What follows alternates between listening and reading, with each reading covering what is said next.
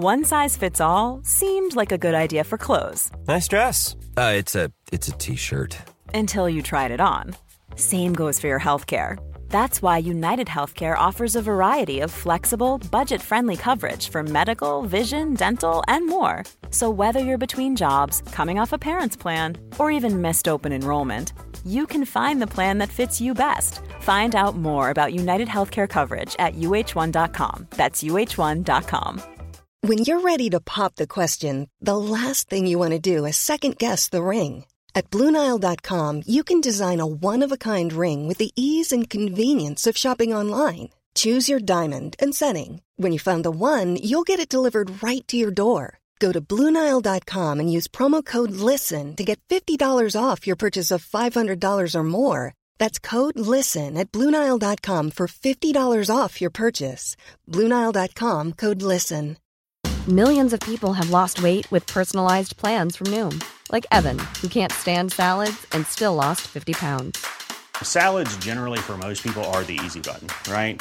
For me, that wasn't an option. I never really was a salad guy. That's just not who I am. But Noom worked for me.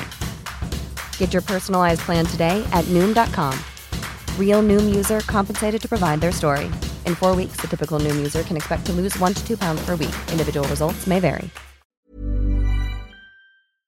Veckans sponsor är Telia. Hos Telia samlar man mobil, bredband, IT-support, mobilväxel, allt som gör företagande enkelt. Och det är just det här att samla allt på ett ställe, att ha någon att vända sig till när det inte fungerar, det är Telia. Ett exempel på vad som inte är Telia, det är ju som när jag lyckas boka förmötet för en poddinspelning med Finansinspektionen till efter själva inspelningstillfället. Eller när jag här, här året var liksom, fick för mig att jag skulle börja springa, så jag är liksom ute och springer taggad, träffar en kompis som säger så du Jan, på måndag ska jag springa ett lopp. Och jag känner så här, ja men det låter inspirerande, så jag käkar pasta, jag byter om, tar mig ner till Malmö stadion för att göra en efteranmälan, står där i kön och sen så när jag liksom anmäler mig så tittar de på mig och säger så här, du Jan, vårhuset är bara till för kvinnor. Och eh, det var, det var typisk en situation som inte är Telia. Oavsett, ett stort tack till Telia som sponsrar, gör Rika Tillsammans möjligt, men framför allt tack till dig som lyssnar, följer och eh, hänger med oss varje vecka. Och då kan man bli lite skrämd av hur portföljerna ser ut. Men det är samtidigt inte deras eget, det är inte de som har gjort misstagen. Vad spännande, berätta mer. Hur, hur ser en portfölj som ser skrämmande ut? Ja, det vill vi höra. Du lyssnar på Rika Tillsammans-podden som handlar om allt som är roligt med privatekonomi. I den här podden får du varje vecka ta del av konkreta tips, råd, verktyg och inspiration för att ta ditt sparande och din privatekonomi till nästa nivå på ett enkelt sätt. Vi som gör den här podden heter Jan och Caroline Bolmesson. Idag är det dags för avsnitt 34 och idag är det inte bara jag och Caroline utan vi har med oss Henrik Tell. Så varmt välkommen! Tack! Du har ju en bakgrund eh, som också civilingenjör och eh, sen så har du jobbat i, jag tror när jag räknade på ditt CV, i finansbranschen i nästan 20 år. Eh, och eh, däribland varit fondförvaltare, du har varit analytiker, vd på Ömans eh, fonder och nu sen ett par år tillbaka så driver du ju eget som finansiell rådgivare. Och där jag brukar säga så att när jag brukar beskriva dig för andra så brukar jag säga att en av Sveriges få riktigt oberoende rådgivare. Jag tänker att vi hoppar rakt in i dagens avsnitt. Varför är det viktigt med finansiell rådgivning? Varför är det viktigt med finansiell rådgivning? Och det är ju ja, komplext med finansiella frågor i många fall. Och det är inte lätt för folk att förhålla sig till all den här informationen som finns. Eh, och veta vem man ska tro på, vem man kan lita på och så vidare. Så att det finns ju helt klart ett behov av detta. Och det där, det där, och det där är rätt, alltså det där är nog den vanligaste frågan som jag får. Liksom. Så här, vem ska man lita på? Vad, vad tror du är anledningen till den här skepticismen mot finansiell rådgivning? Ja, det finns ju väldigt många exempel på finansiella rådgivare som har gjort ett väldigt dåligt jobb för kunderna. Och eh, placerat med alldeles för stor risk eller placerat i papper som inte alls har varit lämpliga av en eller annan anledning. Så att det är en bransch med ganska dåligt rykte tror jag överlag. Mm. Eh, Och eh, det är svårt att veta vem man kan lita på. Det jag tycker man ska göra det är att gå tillbaka till att se hur rådgivarna får betalt till att börja med. Mm. Många råd kan ju upplevas som gratis men eh, då får ju rådgivaren ofta betalt genom provisioner på produkter som man säljer eller om det är en, en rådgivare på något företag där de har egna produkter som de då föredrar att placera i, i många fall. Så att eh, vi, det är ju lite därför jag jobbar oberoende just för att inte hamna i den fällan utan faktiskt kunna eh, leverera det som är bra för kunderna. Och hur, hur, och hur vet man som kund? För att det, det, där är väl den stora grejen, att man alltid går till banken eller till finansiella rådgivare med lite så här mössan i hand. Hur, liksom så här, och, och, många gånger så är det ju det lätta så, så här, men det är fel på dem på banken, det är fel på rådgivaren. Men alltså jag många gånger tänker så här, men tänk om det inte är fel på dem, utan tänk om det bara är jag som har fel förväntningar eller det är jag som ställer fel krav. Hur vet jag som kund att jag har en bra finansiell rådgivare? Det är väldigt svårt. Det man får titta på är ju vilka Alltså vilka drivkrafter rådgivaren har. Hur får han betalt? Det kan man titta på som kund och det är, för, det är frågor man absolut ska ställa. Spelar det någon roll för den här rådgivaren om han sätter pengarna på ett bankkonto eller om han sätter dem i någon aktiefond eller i någon, eh, någonting annat? Det, det är väldigt viktigt att veta för det är väldigt svårt som rådgivare när du sitter i om situationen att jag kan antingen sälja den här kunden ett bankkonto som jag tjänar en halv procent på eller jag kan sätta honom i den här högriskaktiefonden där jag tjänar 2,5 procent. Och det är väldigt få, inte alla, absolut inte alla, men det är väldigt få som klarar att eh, hantera det där på ett bra sätt, i min erfarenhet. Jag vet inte om du håller med, men jag kan ibland uppleva att det finns lite olika nivåer på rådgivning. Att den första nivån, den lägsta, är liksom att man går till banken, man träffar den här eh, banktjänstemannen som ska vara så rådgivare och så frågar man så här, vad ska man placera i? Och då tar de fram någon eh, stencil liksom med fonder och liksom eh, tidsperiod. Och sen så hittar de en eller två blandfonder som man ska välja. Sen kan man ju liksom levla från det där att man får en private eh, banking-kontakt som, som många ser fram emot. Men där kan jag också uppleva att okay, det är lite mer kvalificerad person. Det är kanske inte liksom en inplastad papper, men det, det ska ju mycket till för att en private banking liksom på Swedbank ska rekommendera rekommendera en Nordea-fond. Och sen så finns det ju då eh, sådana här oberoende rådgivare som du. Vad skulle du säga är skillnaden? I, till att börja med så tar jag ju bara betalt av kunderna. Jag har inga provisioner på några fonder jag säljer. Jag har inga, vi har inga egna produkter som vi föredrar eller någonting sånt. Eh, så att jag har inget intresse av att göra någonting som av något annat skäl än att det skulle vara bra för kunden. Vi vill ha nöjda kunder och långa kundrelationer. Och det, det är på det sättet som, eh, som vi vill jobba.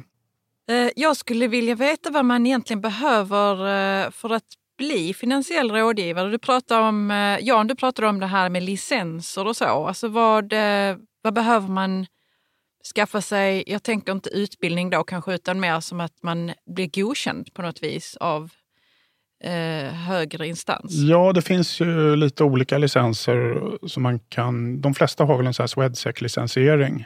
Och då är det, om då det företaget som man jobbar på är anslutet till Swedsec. Och den är ju en bra början. Den är absolut inte heltäckande skulle jag säga, men det, det tror jag är, den licensieringen eller motsvarande är väl minimikravet om du ska arbeta mot med just rådgivning på det sättet.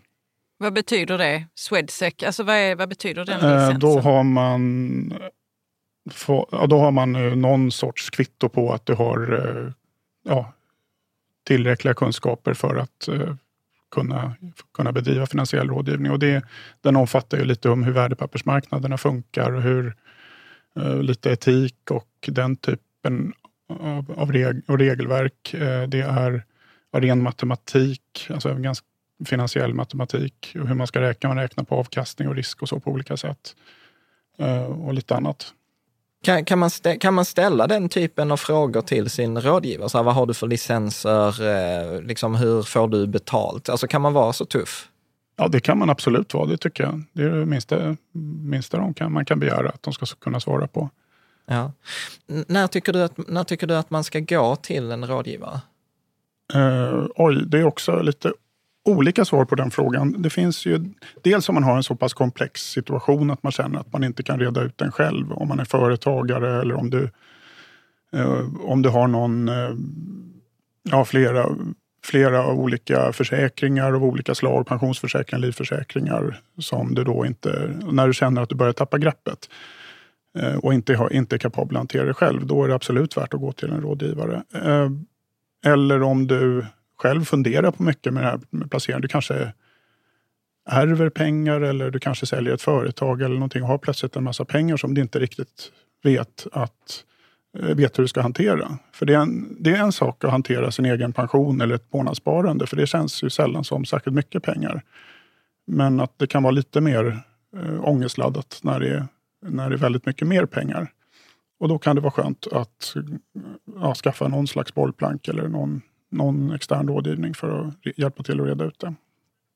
Men kan man, också, kan man också gå till en finansiell rådgivare om man inte har så mycket pengar men man skulle vilja Absolut. göra allt för sin ekonomi? Det, det, finns ju ingen absolut nivå när man kan säga att ja, nu har jag 550 000 och då kan jag gå till en finansiell rådgivare. Utan det, Dels har det att göra med vad som är kostnadseffektivt, för vi ska ju ha betalt eh, och det kommer att kosta en del. Eh, man kan räkna med kanske 5-10 timmars jobb, åtminstone för att få fram en, liksom en, en, plan som man sen kan följa själv. Eller ta hjälp med att följa om man vill, vill ha det då. Men det är ju normalt sett det första steget som vi jobbar.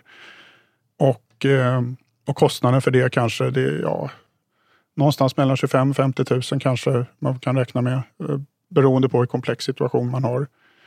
Och om det är värt det, det kan ju vara väldigt olika. Om du har många miljoner så är det, är det absolut värt det, för då kommer det inte påverka förmögenheten på mm, särskilt mycket alls. Om du har mindre pengar så kan det ändå vara värt det om du känner att det här är någonting som jag verkligen får ångest av och som jag har svårt att ta tag i. Utan jag, jag vill ha lite lugn och ro och jag vill ha någon som hjälper mig med det här så att jag kan så att säga, städa undan det här problemet.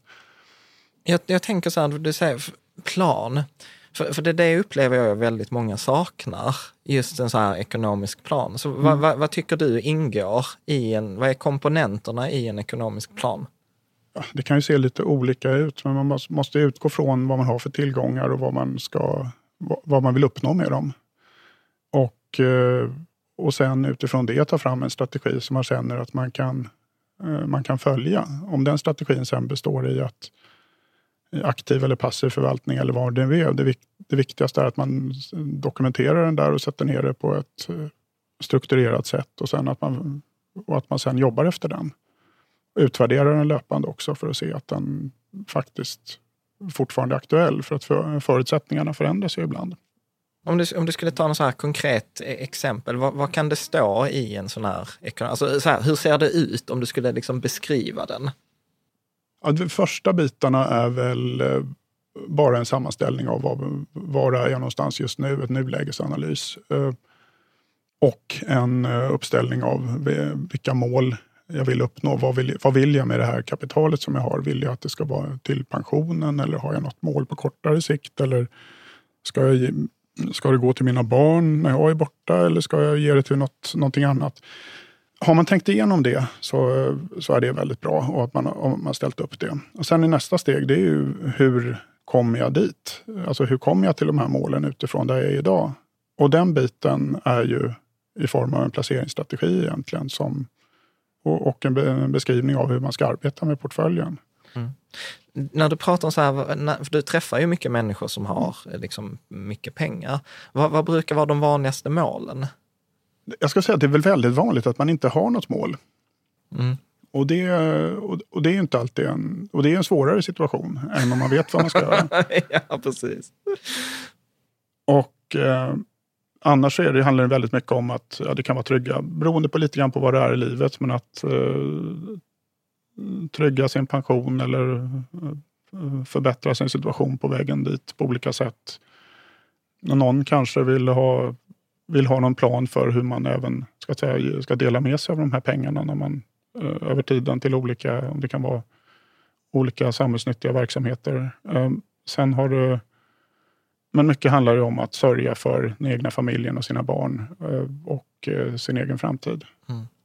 Så det, det, det, är inte så vanligt att eh, någon liksom så här, oh, du vet, hjälp mig, jag ska köpa min Ferrari. Utan det är mer liksom så här långsiktigt, pensionen, liksom så här, jag, vill, jag vill trygga, så jag vill sörja för, ja. för min familj, mina barn. Liksom, och så här. Ja, det, fin det finns ju sådana också, men just att ofta ofta kan det kan nästan vara tvärtom. Att man faktiskt får övertyga dem om att jo, men du har råd att köpa en Ferrari. Mm. Och fortfarande ha en tryggad ålderdom. Ja. Det, där, det där är jätteroligt att du säger det. För att eh, när jag och Karo gjorde ett avsnitt om eh, den genomsnittliga miljonären. Det var från den här Millionaire Next Door. Och där var det ju faktiskt, eh, en av huvudpoängen var att den genomsnittliga miljonären är oerhört sparsam att väldigt få äger liksom en bilmodell från året. Eh, väldigt få har liksom det dyraste huset, utan tvärtom så är de ganska, ganska sparsamma. Och att det är det som har gjort dem många gånger till just liksom finansiellt eh, framgångsrika. Mm. Om vi hoppar tillbaka till det här med finansiell rådgivning. Så vad, vad tycker du att man ska tänka på när man väljer en finansiell rådgivare? Om du skulle ge så tre tips. Man ska ju känna att det är en person man har förtroende för till att börja med. Att man funkar ihop, personkemin funkar. Man ska definitivt ha koll på hur den här personen har betalt eh, och eh, tolka råden utifrån det. Eh, och, det är, och det är inte alltid, det är inte alltid enkelt att förstå. För, för nu, nu blir det lite bättre i och med att det är ny lagstiftning från årsskiftet. Men tidigare har man inte vetat det. Det har inte synts någonstans vilka, alltså vilka ekonomiska incitament de här rådgivarna har haft. Alltså det, det har ju funnits vissa krav på att de ska redovisa dem och så vidare. Men, men eh, de kan ju placera i produkter där det där helt enkelt försvinner. Om man tar aktieindexobligationer, så här strukturerade produkter. Eh, så där har det varit väldigt svårt att se vad, de egentligen, vad man egentligen betalar. Mm. Och eh, tredje, att ja, kompetens naturligtvis. Att det är en person som har någon sorts erfarenhet och vet vad han håller på med, eller hon.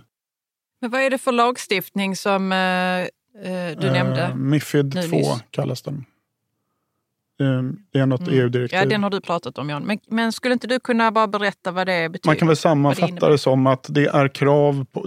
För rådgivningsbiten så betyder det att det kommer krav på större transparens. Och att det kommer, eh, man, vem som helst kommer inte få kalla sig oberoende och så vidare. Så att det, överhuvudtaget rådgivare har varit lite försiktiga med att kalla sig oberoende. För det är många som kallar sig fristående, men det betyder egentligen ingenting. Och det ska man se som en, möjligen se som en varningsklocka. För att det betyder att jag kan inte kalla mig oberoende, utan jag får provisioner någonstans ifrån. Ah. Men jag vill ändå framstå som oberoende. Och kan, kan du inte hoppa in lite i skillnaden på de två? En fristående betyder bara att man inte är ägd av en bank eller motsvarande. Utan det betyder att man har ett eget företag. Men du kan ju fortfarande ha provisioner på det du säljer från tredje part. Så att en, om du har bra provisioner på fonder från någon viss leverantör så kanske du tenderar att vilja sälja sådana fonder i det läget. Mm. Men eh, hur som helst, Mifid 2, det var ju lite sidospår. Det är, en, ja, det är en ganska omfattande lag, lagstiftning som har rullat in nu och som kommer att sätta spår lite här och där. Och det har man märkt även om man är kund till Nordnet och Avanza, att man plötsligt inte kan handla amerikanska ETFer till exempel. Precis, det var det jag utnämnde till förra ja. årets sämsta privatekonomiska nyhet, ja. att vi blir av med liksom så här Vanguards mm. billiga indexfonder. Mm. Liksom. En, en sista fråga när vi är inne på finansiell rådgivning, så tänker jag så här, vad, vad är det vanligaste misstaget som du ser eh, klienter som kommer till dig har gjort? Det är väl ingenting så där konkret jag kan säga att det här gör människor alltid fel på eller motsvarande. Eh, många kommer från en situation där de har haft någon annan rådgivare tidigare eller att de har haft något förvaltningsuppdrag och då kan det se lite Ja, och då kan man bli lite skrämd av hur portföljerna ser ut. Men det är samtidigt inte deras eget, det är inte de som har gjort misstag. Ja men berätta, det, det, det låter ju jättespännande. Hur, hur, hur ja. ser en portfölj som ser skrämmande ut? Ja, men det kan, vara, det kan vara att det är risktagandet som är helt fel. Det kan vara att det är värdepapper som det inte finns någon ja, det som inte finns några bra skäl att äga egentligen. Och då pratar jag inte om enskilda aktier utan det är mycket, mycket strukturerade produkter och det är eh, konstiga fonder och så vidare. Men, och allt det här är beroende på, det kommer ju tillbaka till det här med provisionsstrukturer och vad tjänar man på att sälja och vad är det som är vad är det som är lämpligt och bra för kunden eh, egentligen kontra vad är det som är vad är tillräckligt bra för att vi ska kunna sälja på den här med rimligt gott samvete. Och det, ja, det, det är inte det, det, det, är, det är väl där man kan se, men det är ju inte kundernas misstag på det sättet. Kunderna möjligen Ja, ibland kan man ju se att de inte har förstått att de har eh, kunnat ta högre, de har mycket väl kunnat ha haft högre risk men det är väl eh, kanske att man, att man tar för lite risk generellt. Eh, för att om man på, men det är ju inte heller det är inte heller konsekvent alltid så, men, men det är väl en, någon tendens som kan finnas där ibland. Att man inte vågar ta aktierisk. För, för att det där upplever jag som jag har tänkt mycket på det senast, särskilt efter senaste avsnittet av Rich Dad Poor Dad-boken, att ofta är det att antingen tar man för hög risk eller så tar man för låg risk. Mm. Och att det är liksom lika fel båda två. För du förlorar, i det ena, tar du för hög risk så upplever du förlorar du pengar på att du kan förlora dem för att affären går åt skogen. Tar du för låg risk så förlorar du pengar i form av pengar mm. som du hade kunnat tjäna men som du egentligen aldrig tjänar. Mm. Eller, eller, hur? hur så hur, hur, gör man för att hitta den där liksom sweet spot med lagom risk? Mm, ja, det där är ju en... Det är flera aspekter som kommer in på det där. Dels vilken placeringshorisont man har. För att eh, ju längre tid, desto mer aktier kan man ju ha normalt. Eh, och det här är ju ganska basic, det här vet ju säkert eh, många okay. redan. Eh, och det andra är ju vilken risktolerans du själv har som person. Så att, så att, för om du inte mår bra av att ha mycket risk i portföljen, eh, då ska du inte ha det för att då kommer du ja, helt enkelt inte må bra. Och du kommer kanske överge en strategi vid fel tillfälle, precis när du egentligen skulle eh, skyffla in mer pengar i den. Och det, eh, så det är inte heller bra. Eh, men sen så tillkommer det sånt som att om du ska tillföra pengar till det här, om du kanske månadssparar så kan du ta lite högre risk för då kommer du över tiden att köpa vid flera tillfällen och få en bättre... Alltså det, det så att säga drar ner risken i portföljen i sig. Har du, du kanske förväntar dig eh, att ta ut pengar inom kort, då ska det inte ha så hög risk. Eh, du har, eller om det, det, kanske räcker med att det finns en risk för att ta ut pengar för att du ska kunna för att det ska vara motiverat att dra ner risken. Du kan, man kan också titta på en ung person som har ett eh, på väg att skaffa sig en bra utbildning och har ett väldigt stort, man pratar om humankapital så den personen kan ta ganska stor finansiell risk medan en pensionär som, Eh, som inte har det och inte har samma möjligheter att utbilda sig och så att säga, bygga en karriär kan inte, kan inte ta samma risk. Så det är ganska mycket som kommer in där och det är väl precis det som det är här någonstans man kommer in på det jag jobbar med på dagarna. För att det här är, det här är intressanta diskussioner och det är svårt att, det kan, eller kan vara väldigt svårt att komma fram till någonting själv här. Mm.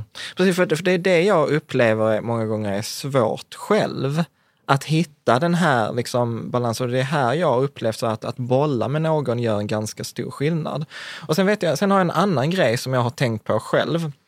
Att som finansiell rådgivare är inte en av de viktigaste uppgifterna att, ser jag egentligen som att skydda en från dumma grejer.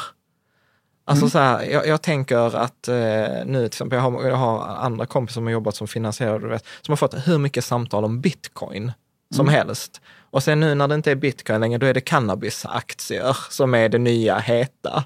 Får du också sådana samtal som du försöker skydda dina klienter från?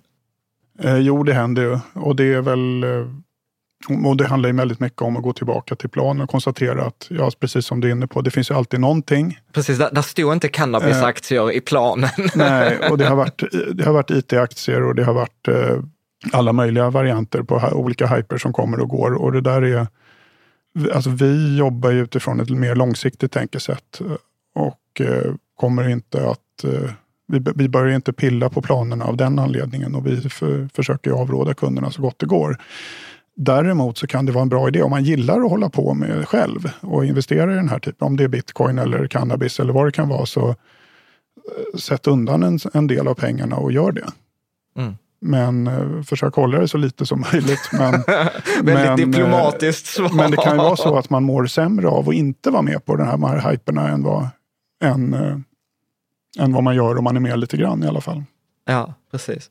Eh, jag, jag, jag, tänker en annan grej Eh, att du har ju varit, när jag kollade på ditt eh, CV som fanns på hemsidan, så stod det liksom att du har varit analytiker och sen var du fondförvaltare och du har förvaltat olika typer av fonder.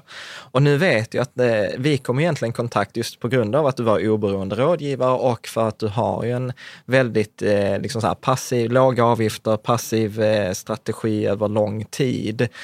Mycket så här, du pratar om evidensbaserat. Jag kommer ihåg att du skickade sån här white, typ ett white paper. Mm. Och jag kommer ihåg när jag tänkte på det så här, är inte detta liksom typ som att sälja, sälja sig själv till djävulen? Att man går från liksom så här fondförvaltning som är så här urtypen av aktiv förvaltning till att sen liksom så här, ah, men vet du vad, jag tror mer på passiv förvaltning. Ja, eller tvärtom kanske. Köpa tillbaka sin själ, jag vet inte. Nej, det, det är väl en process där jag gick ifrån eh, att jag faktiskt trodde på aktiv förvaltning, givet att man hade väldigt hög kompetens och, en, eh, eh, och ja, hög kunskap och följde marknaden, allt det där, till att konstatera att ja, det funkar kanske i en del fall, men som, som investerare har du ingen möjlighet att veta med säkerhet om en förvaltare är tursam eller skicklig. Alltså för det behöver man inte läsa så mycket forskning och statistik och mm. matematik för att förstå att det, blir, att det är på det sättet. Och du måste ha tidsserier på kanske 20-30 år innan du kan med en hygglig säkerhet uttala dig om att det här är en eh, skicklig aktiv förvaltare. Så mycket handlar det om att, att, för min del, om att det är väldigt mycket mer praktiskt med passiv förvaltning. Att det är mycket, mycket lättare, för man kan liksom slippa hålla på med förvaltarurval, eh, givet att du har en, en fungerande passiv strategi. Eh, och det, det, är också så att det finns ju forskning som säger att det finns skickliga förvaltare där ute. Det går att visa på olika sätt. Problemet är att de går inte att identifiera. Så det är inte så mycket så att jag tror inte att, att det inte finns framgångsrika aktiva förvaltare. Problemet är att det är en, eh, att som investerare så kommer du aldrig att hitta dem där. Och, och, om du skulle hitta dem så är de sannolikt, eh, så vill de förmodligen inte ha dina pengar för att då är de de, de vill inte hålla på med småkunder utan det är de största institutionerna som kan komma åt dem i första hand. Och eh, nej, men just att eh, jag, jag, jobbade faktiskt som fondförvaltare för Öhmans indexfonder också, så det mm. var inte så att jag bara höll på med nej. aktiva där, utan det var mycket, det var mycket den här eh, matematiska bakgrunden som gjorde att det var eh, det har varit, väldigt, var ett intressant jobb. Men grejen är att jag tycker ändå det är så här ganska spännande, för att jag har ju själv läst teknofysik och jag är så här, där är de smartaste människorna. Liksom, eh, må, många av dem i alla fall. Och, och hamnar man sen i, i finansbranschen, så här, att jag upplever att det kräver ganska mycket mod och ödmjukhet att, att göra det steget som du gjorde. Skulle du inte liksom, vad tänker du om det? Ja, det handlade väl om att efter ett antal år på Öhman så hade jag någonstans bestämt mig för ungefär hur, vad jag ville göra och vad, eh, vad jag hade för syn på hur marknaderna fungerar. Och jag hade läst på, läst ganska mycket forskning och läst ganska många olika böcker om just eh, förvaltning och vad som fungerar och inte fungerar och, så, och kom fram till att det här är ett, det sätt jag jobbar på nu är precis det sätt som jag, som jag vill jobba på. Och det var och det var väl någonstans viktigare för mig än att vara kvar på Öhman. Så att, eh, ja. Mm. Absolut. Alltså jag, jag, jag, tycker ju själv att det där är jätte, jättespännande. För jag är precis som du, att jag tänker att alltså det viktigaste, det bästa man kan göra, det är så här, investera långsiktigt, passivt, inte liksom att, nej men jag har inte kompetensen att identifiera dem. Men samtidigt så blir jag ju liksom lockad. Jag, jag vet att jag ska, vi ska göra en intervju med två stycken förvaltare som har gjort, liksom förvaltat en globalfond i, liksom i 35 år. Och liksom eh, de, de känner sina 30 bolag i fonden åker till Argentina var tredje vecka liksom för att träffa de här eh, bolagen. Och jag kan ju liksom så här, känna den här intuitiva så här, gud men du vet det handlar om kompetens, det handlar du vet, om de här killarna eller det, du vet så här, att man blir, att man blir lockad. Hur, hur upplever, alltså kan du också ha den här att du tvivlar ibland, att du vet så här, men tänk det finns något bättre eller hur, hur gör du när tvivlet uppstår hos dig? Eller du har inget tvivel? Nej, vid det här laget så är väl de flesta tvivlen bortsopade. Men det finns ju ett par. Dels så finns det en artikel som The Arithmetic of Active Management. Jag vet inte om du har sett den. Av William Sharp som fick Nobelpris för några år sedan. just där han förklarar varför indexförvaltning är, är väldigt bra och att man som in, om man placerar index så, åtminstone, så kommer man åtminstone slå majoriteten av de aktiva förvaltarna. Och det är över tiden, om, i och med att man gör det varje år så blir det över tiden väldigt bra. Sen finns det en bok som jag gillar också som heter Winning the Losers Game av Charlie Ellis som är en mm. av de här tidiga eh, indextänkarna kan man väl säga. Eh, så den här boken skrevs 1970, 73 tror jag det var. Oj, det måste ju varit med innan Bog eller Vanguard? Ja, det var innan Vanguard startade. Och så det kom en eh, det, eh, från början var det en artikel som sen utvecklades till en bok som man verkligen kan rekommendera, åtminstone eh, första biten av den, som just går in på det här problemet att eh, aktiva förvaltare, de är inte... Problemet är inte att aktiva förvaltare är korkade. Problemet är att de är väldigt smarta och väldigt många. Så det kommer alltid vara svårt, i och med att det är väldigt många smarta personer som tittar på, på samma problem och försöker hitta undervärderade aktier här och där och, och nya vinklar och alla möjliga olika strategier och så, så kommer, kommer det bli väldigt svårt att uh, hitta någon, någon att sorts möjlighet till ja. meravkastning där. För att det, du har så många smarta personer mot dig. Ja.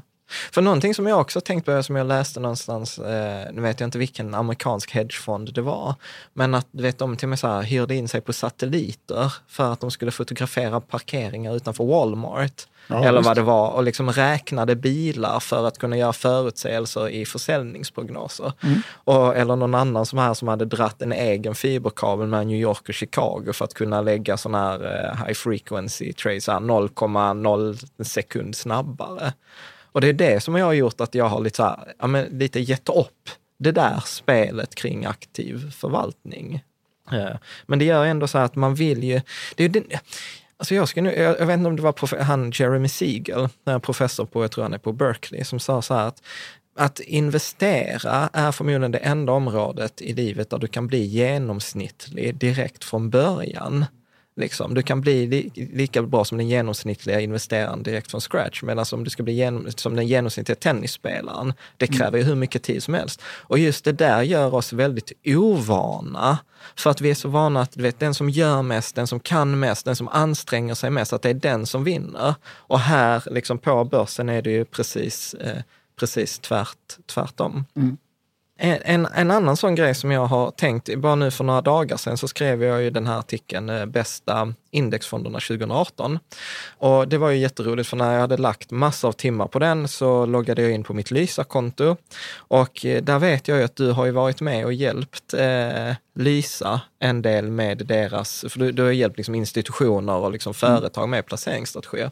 Och då såg jag ju liksom att så här, vad var det, 16 av 19 fonder var samma och de tre fonderna som var de sista det var inte ens att de var sämre än mina, utan tvärtom var de bättre, men man kunde inte välja dem som privatsparare, det var, det var de här Vanguard-fonderna. Och en, en, grej som jag har brottats med nu, alltså sen, ja men verkligen sen kanske två veckor tillbaka, är så här, finns det någon anledning för mig som privatsparare idag egentligen att när de här tjänsterna nu, det kan vara Lysa, det kan vara andra, har börjat komma upp, att försöka förvalta en sån här passiv indexportfölj själv? Kan, kan, kan jag göra det, alltså om jag skulle ställa frågan på sin spets, kan jag göra detta bättre än Lysa? Eh, jag tror det är svårt. Ja, det beror på lite vad du har för, för... Problemet Lysa möjligen kan ha, det är ju att det, det blir ju en one size fits all lösning. Så att man kan ju av olika skäl vilja ha någon annan portföljsammansättning eller något annat grundtänk än vad de har. Eh, och i så fall så eh, är det just nu svårt. Men det kommer förmodligen att försvinna med, eh, med tiden också. Om det kommer mera anpassningsmöjligheter och det kommer komma flera sådana här tjänster och så vidare.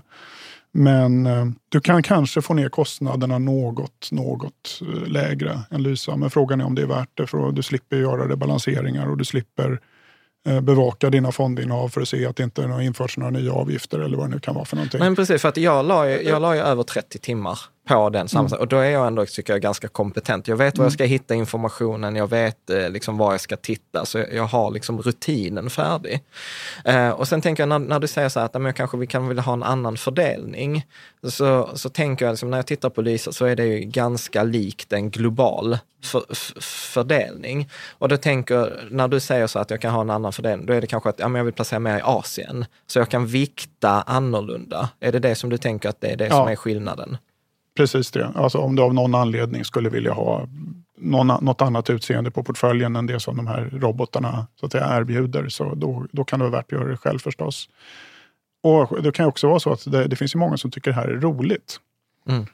Att välja fonder och välja egna och gissa om Indien kommer gå bättre än Japan i år eller inte, eller vad det nu kan vara. Och då är det ju då har du ju ingen anledning att gå på robotarna, utan då kan du välja själv. Och då kan det också vara viktigt att försöka hitta rätt fonder och billiga indexfonder och så vidare. Men Men är inte det där en klassiskt misstag? För jag kommer ihåg jag skrev en krönika för det för något år sedan. Så här, investerar du för att tjäna pengar eller investerar du för att ha roligt? Och jag tror att det är väldigt många sparare som blandar ihop de två. Att man säger egentligen så här, "Ja, men jag investerar för att tjäna pengar. Men egentligen investerar man för den där känslan man hade rätt. Eller att man, till och med om man förlorar pengar så är det också roligt inom parentes. För då kan man ju dela med sig, du vet, så, ah, men du vet jag köpte Fingerprint och du vet, ah, jag tjänar massor pengar och sen förlorar jag allt. Alltså när jag inleder en föreläsning idag så brukar jag berätta när jag förlorade typ alla pengarna 2000 och 2008. Så att, och det blir ju liksom en historia jag får dela med mig, jag får empati och du vet så här, ja, men typ, jag, jag hittar på att det måste vara så som folk delar lumparhistorier på, på något sätt. Upplever du också den liksom att, eh, att folk blandar ihop de här två, liksom känslan och, men man lurar kanske sig själv och tror att det handlar om pengarna egentligen? ja, så kan det säkert vara. Eh, Just det där med, ja, just de här historierna du berättar om Fingerprint och så vidare, det tror jag mer handlar om att man gör en rolig historia av det för att kunna bearbeta det. Men, Precis, eller Men jag tror att- rationalisering.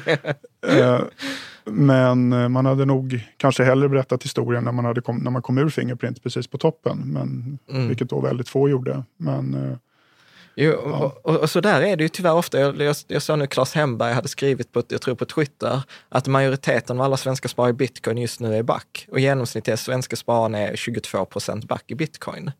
Så att, eh, och det där är ju, ja, det, det är ju en, det är en helt annan eh, historia i och för sig. Om jag, om jag hoppar tillbaka till Lysa, någonting, jag vet inte om du delar, din, delar min uppfattning, men när jag började så tyckte jag att aktiefonder, och det var det kluriga, och så tänkte jag så här, räntefonder är ganska enkelt. Idag, så här 10 år eller 15 år senare, så säger jag så här, aktiefonderna är ganska enkla. Det är räntefonderna som är liksom kluriga. Att liksom så här, det heter, allting heter räntefonder, men det är sjuk skillnad på räntefond och räntefond. Vad, vad är din eh, upplevelse? Ja, men det tycker jag stämmer ganska bra. Alltså, det har ju varit en utveckling på räntemarknaden när från början i princip alla räntefonder var, handlade om statsskuldväxlar och statsobligationer och riskfria papper eh, utgivna av svenska staten. Då, till som det ser ut idag där, där det handlar om mer om företagsobligationer och alla möjliga konstiga räntepapper som vi inte har riktigt sett eh, ja, förrän du, nu i senare tid. Så att Ja, på, på, ja, för kanske ja, början av 2000-talet då var väl alla räntefonder i princip utbytbara. Var, alla gav ju ungefär samma tråkiga utveckling och så vidare. Och nu finns det, nu finns det ju räntefonder som nästan mer liknar aktiefonder i hur de beter sig. Om man, om man pratar om såna här high yield eller alltså högavkastande obligationer. Mm. För de har ju en, alltså den, de, de samvarierar ju mer med aktiemarknaderna än med räntemarknaderna egentligen. Mm. En del av dem. Och, och där, där var ju också en, eh, i den här sammanställningen så vet jag att du bara, du läste min, eh, min lista och sen skickade du bara så här kort med, du underskattar typ inte den här realobligationsfonden. Eh, och så skrev de så här, "Ja, men den är inflationsskyddad. Kan du inte bara utveckla lite det? För, för att det, det var en sån grej som jag inte hade en aning om och som verkade ganska viktig när du skrev om den. Ja, nej, men det, är, det är inte någon eh, märkvärdigt egentligen, utan det, det, är väl fond, det handlar ju om att realobligationer, alltså realränteobligationer är ett eget tillgångslag. Man pratar ju om olika aktier eh, i ett tillgångslag och sen kan du ha ränt, räntepapper i ett annat. Men inom räntepapper så har du ju nominella och reala obligationer. Reala obligationer har lite andra egenskaper. De tenderar att, att gå bättre när, eh, Ja, framförallt när det är oväntad inflation. Och, eh, och det finns ju en an, jag menar ju egentligen att det finns en anledning att ha lite sånt i sin portfölj för att det, är, det ger riskspridning. För, för, för, när jag har funderat nu liksom på portföljen så har jag ofta typ en, så här, en för, för, så när jag har tittat på räntefonder så har jag tittat mycket på så durationerna mm. för att liksom få någon slags bedöma risken. Så hur lång tid mm. lånar de här fonderna ut? Och då har jag tänkt så här, man ska ofta ha någon korträntefond kanske upp till ett år, eh, liksom, typ. Eh, det är mer parkering, att parkera pengarna upplever jag. Eh, och sen är det till exempel AMF räntefond lång, som är, med den, liksom, trots att den är lång så har den ändå bara typ en duration på 4,3 år. Mm. Eh, något sånt. Eh, och då skulle man ändå kunna säga att de två beter sig ganska olika. Och sen har vi då det tredje, det här slaget, som du säger, de här realobligationerna. Och sen har vi liksom som ytterligare ett, ett liksom del, om jag förstått rätt, de här high yield, alltså ja. företagsobligationer som kan ge 5, 6, 7 procent, men som har en ganska ja. hög eh, liksom, risk eller volatilitet. Ja, och inom företagsobligationer finns det ett helt spektrum av olika varianter. Allt från relativt stora kreditvärdiga företag till då de här mer högriskpapperna då med high yield och när det är små företag som är, lever nära ruinens brant. Då. ja, precis. Och sen, och sen finns det liksom de där, du vet ju också att jag själv har de här riktigt långa Alltså så här, kanske ett 20 års, men de, de mm. beter sig helt annorlunda. Innan när vi pratade så sa du en ganska intressant sak och det är att det är många gånger bättre att ha för lite äh, aktier i sin portfölj, att kanske till och med ha en suboptimal strategi. Jo, men det där är intressant för att det, det, är bättre, det kan vara bättre att följa en suboptimal strategi. Det är lite grann på det här, återigen, att hålla det enkelt. Att det är viktigare att du har en strategi som du faktiskt kan följa när det är jobbiga tider än att du har den perfekta strategin som du riskerar att överge. Om du till exempel har 100% aktier och går in i, ja, som det small 2008 till exempel.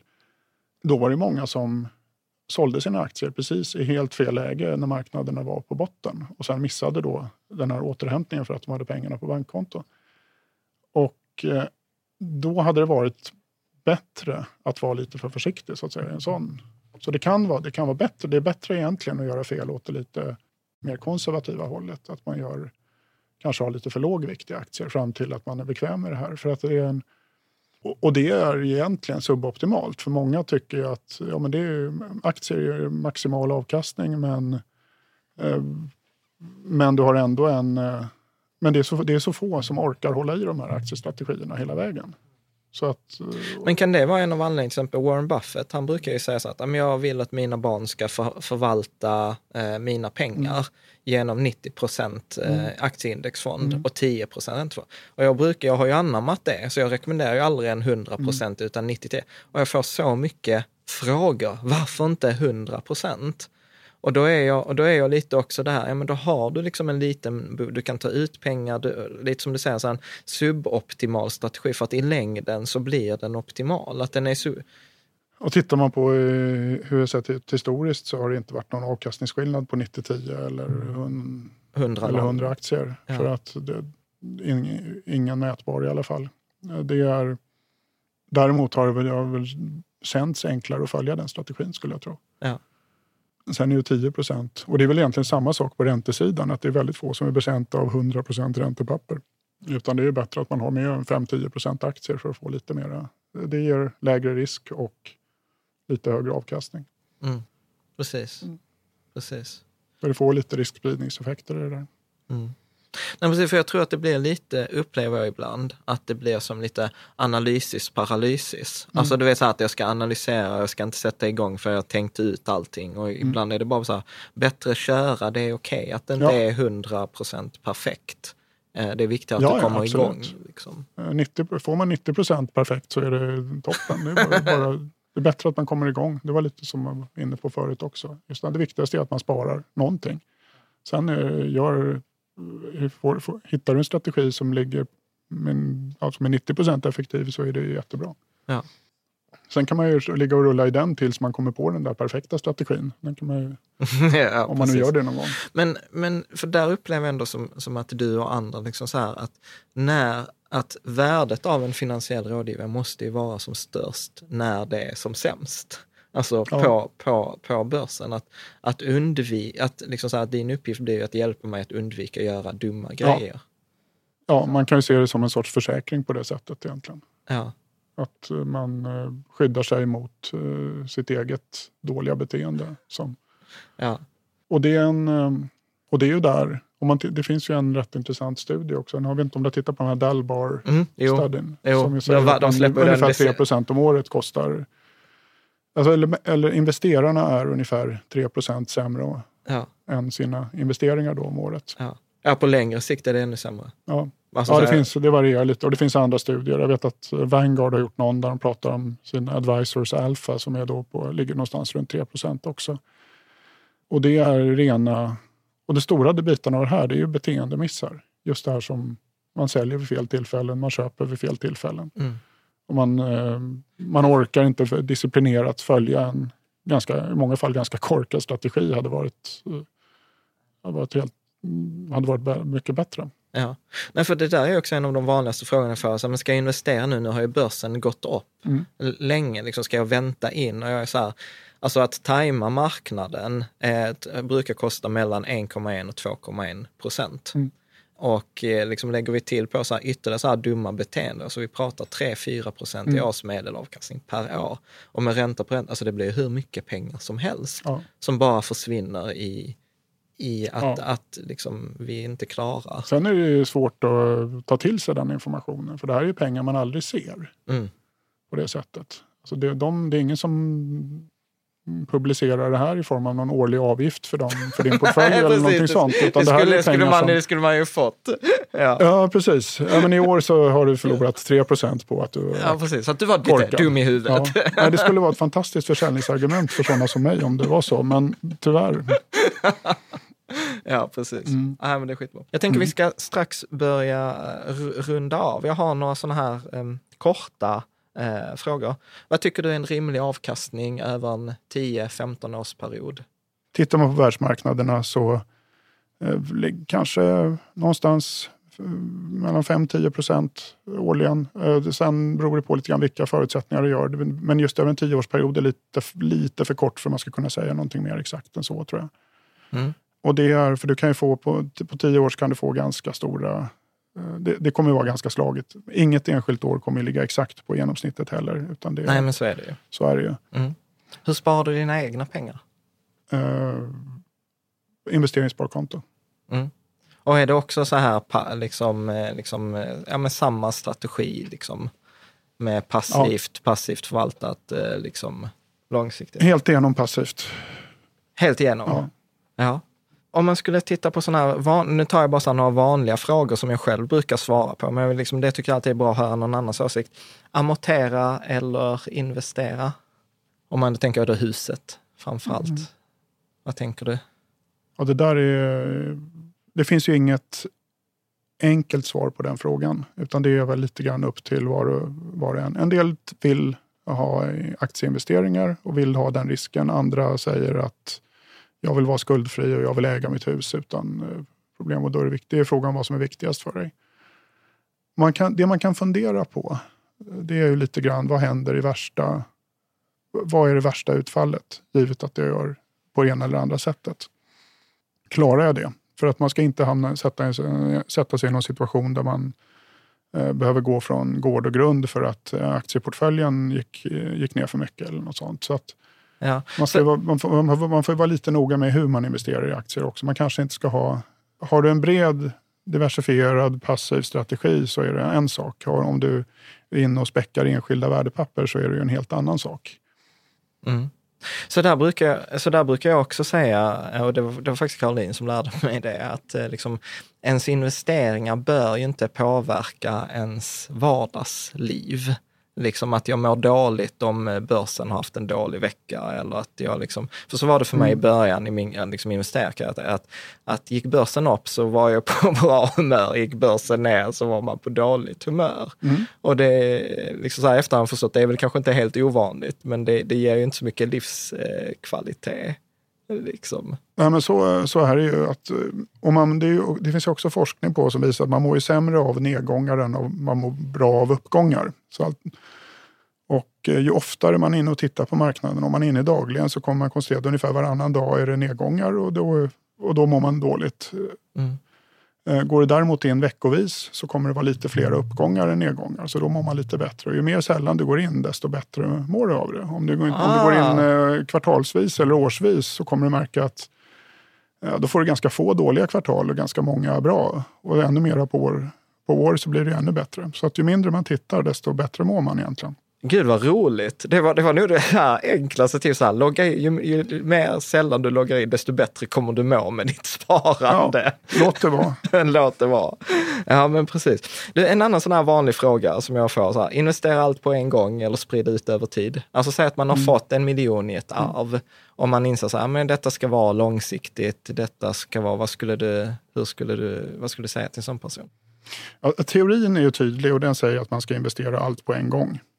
Och det är det man objektivt sett eh, då ska göra eh, enligt teorin. I praktiken kan det vara svårt. Eh, ehm, man kan vända på den frågan och fundera på, ja nu sitter jag, istället för att ha en miljon kontanter, anta att det hade varit investerat i aktiemarknaden, 100 procent. Hade jag då sålt av det för att sen börja påbörja ett månadssparande? Och för den frågan kanske har ett annat svar än, än den första. Mm. Eh, utan jag tror det handlar mer om att man har en strategi som man faktiskt kan följa över tiden. Och inte bara att man... För det handlar inte om att tajma marknaden. Tajma marknaderna går inte. Eh, mm. Utan det handlar om att ha... Om du, har, om du kanske ska ha 70, 70 aktier och 30% räntepapper och gå in i den strategin eh, med en gång så att du har möjlighet att rebalansera när det går ner. Och vice versa. Om du känner att om du har om det hade legat till 100% aktier och sen och fundera på hur det skulle kännas. Skulle jag nu sälja av och börja månadsspara så om det känns som att 100% aktier är för mycket just nu, ja, då ska du förmodligen ha en strategi där du har kanske eh, 50 eller 70 eller 60% aktier eller vad det nu kan vara som nu är rätt för dig. Men för det, har du det, då blir tajmingen inte lika viktig. För mm. att framförallt inte om, på lång sikt så kommer du att, så att säga, rebalansera. Aktier går upp så säljer du av lite och köper lite på räntesidan. Och det här kommer att jämna ut sig. Mm. Hur, hur, hur, ofta tycker du att eh, man ska ombalansera? Ja, jag tycker väl det kan väl vara lämpligt att gå in årligen i alla fall och titta. Och sen om det inte, om det inte har hänt så mycket så behöver man inte ombalansera då heller. Men om det är mm lite att man har någon sorts eh, spann på kanske plus, beroende på hur portföljen ser ut, men plus minus några procent. Som, när man reagerar, som man reagerar på att när de kommer över dit så då ombalanserar man allting. Mm. Precis. Håll det, håll, bättre att hålla det enkelt och se till att det blir gjort. Mm. Min, min upplevelse är att man innan gjorde det så två gånger om året, en gång till jul och en gång till midsommar. Och sen har jag insett att det hade kunnat gå två år utan att jag behövde ombalansera liksom om man inte ser de stora rörelserna. Eh, vi, vi, vi, ska ju runda av här nu. Jag, jag vet ju att detta är ju så här dum fråga egentligen, men du vet om du skulle ge så här generella tips liksom så här i privatekonomi, om du skulle få, få ge dina barn tre tips, det så här, detta, ta med de här tre grejerna i livet eh, inom området privatekonomi. Vad skulle det vara? Det första är ju att man överhuvudtaget man ska komma igång med någon slags sparande. Eh, det finns ju något uttryck, man säger att den värsta fienden till en bra plan är drömmen om den perfekta planen. Ah. Som jag tycker är väldigt bra. Och det viktigaste är att man sparar i någon form. Eh, det är det första steget. Nästa steg det är att använda in, använd indexfonder. Hitta en bred global indexfond och stoppa in så mycket du, kan, så mycket du klarar i, det, i den. Du behöver inte ha många fonder. Det, det kan räcka med eh, en eller två för att bygga upp ett sånt här grundläggande sparande som gör ja, 90-95 procent av jobbet eh, mot ett mer avancerat. Och, eh, mm, ja, eller använda tjänst som Lysa för den delen. Det, det går ju också alldeles utmärkt. Men det, det, är väl, det är väl de två grundläggande. Sen efter det så, ja det går att göra det bättre, det går att göra det mer avancerat och det går att bygga portföljer med, så att säga, med lite högre förväntad avkastning och du kan ta med flera tillgångslag och så vidare. Men man kommer väldigt långt med bara alltså, två eller tre fonder som Om jag tittar på de enklaste portföljerna som du har på din sida också. Mm. För, för, det, där, det där är en sån grej som jag har läst mycket på på, på sistone. Eh, och jag vet att det har varit eh, mycket diskussion, men det kom ju något sånt, eh, någon sån här studie, jag tror den kom första gången 1986, där man skulle titta just alltså, vad är det som står för avkastningen i en portfölj? Och eh, då tror jag, om jag inte minns helt fel, så var det typ så här, 85 procent av avkastningen ges av tillgångslaget. Mm. Och sen så var, eller 85 procent av tillgångslaget, ungefär 15 procent ges sen vilken subdel, alltså vilken underdel inom det tillgångslaget. Alltså typ om jag tar eh, aktier som tillgångslag så är nästa underdel så globala aktier eller regionaktier. Och sen var den sista typ 5 procenten av avkastningen gav så här, vilken specifik fond är det inom just då, till exempel om jag väljer globalfond, så vilken av globalfonderna är det jag väljer? Mm. Och vet, när jag läste den nu och så läste jag någon uppföljande studie på det, så var jag så här, gud vad jag håller på att anstränga mig för väldigt lite, liksom väldigt lite effekt. Mm. Uh, faktiskt. Skulle, skulle du hålla med om att, att man kan tänka så att ja, men majoriteten av avkastningen ges alltså det, vilken, vilken mm. enskild fond du väljer är inte så himla viktigt egentligen. Bara den har liksom låg, låg avgifter, alltså det där klassiska. Liksom. Ja, precis. men givet att det en följer någon sorts index och har låga avgifter och är förvaltad av någon hyggligt kompetent person så spelar det ingen större roll. Ja. Eh, det är helt sant. Ja. Och, och vi börjar med att prata aktiva fonder. Ja, visst, det finns ju alltid outliers. Det finns alltid någon som har gått bra eller någon som har gått väldigt dåligt och så. Men, men eh, det är inte, de hittar man ju inte. Nej. Om man säger så. Inte, på för, inte i förhand. Nej, nej precis, inte i förväg. Så, eh, sista, sista eh, två frågorna, eller mm. kanske en så här. Så på en skala 1 till 10, hur konstig är du? Oj. eh, 7-8 någonstans tror jag. Berätta, motivera. Nej, men jag vet inte, vi är väl lite i samma fack just det här med abnorma intresset för procentuell utveckling och investeringar och eh, tillgångslag och nörd, finansnörderi så att säga. Och eh, ja, ja, bara det är ju ganska konstigt. um, jag, jag, jag, känner igen mig så här, två ja, fingrar sen, upp. Sen är det väl, eh, nej jag vet inte, sen, sen kan man väl fundera på vad Ja, gå teknisk fysik är också rätt skumt egentligen eh, på många sätt. Det är ju inte också det är jätteskumt. Ja, visst är det. Ja. Vad var det ja, du håller med i alla fall Caroline. Det var ja. Vad var det som gjorde att du valde det? Ja. Ja, nej, det var en bred utbildning och det var, jag hade inte riktigt bestämt mig för vad jag skulle göra efter och sådär. Så jag tyckte att det här verkar brett. Alltså jag, ibland, ibland har jag tänkt på att F eh, borde ha det som i sin så här reklamkampanj. Så, vet du inte vad du ska göra, läs för det kommer, då blir det bra. ja, det löser sig. Givet att man kommer igenom det. Precis. Men eh, Annars, om man skulle vilja komma i kontakt med dig, hur gör mm. man det enklast? Det är, du har en hemsida, eh, ja. företaget heter Effektiv förmögenhetsförvaltning och effektivff.se. Jajamän, och det, är, där, det är bara att gå in, där finns också alla kontaktuppgifter. Ja. Så det är det enklaste. Och där, du har en mailadress också va? Ja, och det är henrik.tell.effektivff.se. Ja. Och jag gör också som så att jag sätter ut en, en länk här på hemsidan. Och eh, med det så vill jag säga så här, ett stort tack Henrik för att du har tagit dig den här tiden eh, att, att liksom ha den här diskussionen kring hur du tänker kring passiv förvaltning, framförallt finansiell rådgivning som i alla fall gav mig väldigt mycket. Och så vill jag också verkligen tacka för att du tar dig tiden och svarar på så många frågor i kommentarsfälten, liksom på frågedelen på, på bloggen. Så tack så hemskt mycket. Ja, men tack för att jag fick komma. Det var jätteroligt.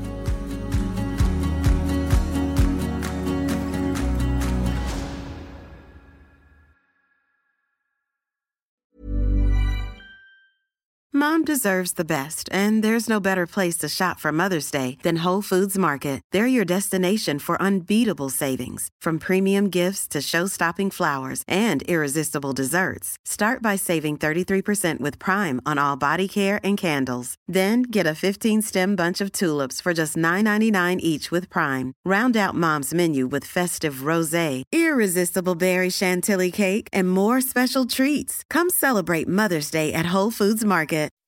When you make decisions for your company, you look for the no brainers. If you have a lot of mailing to do, stamps.com is the ultimate no brainer. Use the stamps.com mobile app to mail everything you need to keep your business running with up to 89% off USPS and UPS. Make the same no brainer decision as over 1 million other businesses with stamps.com. Use code PROGRAM for a special offer. That's stamps.com code PROGRAM.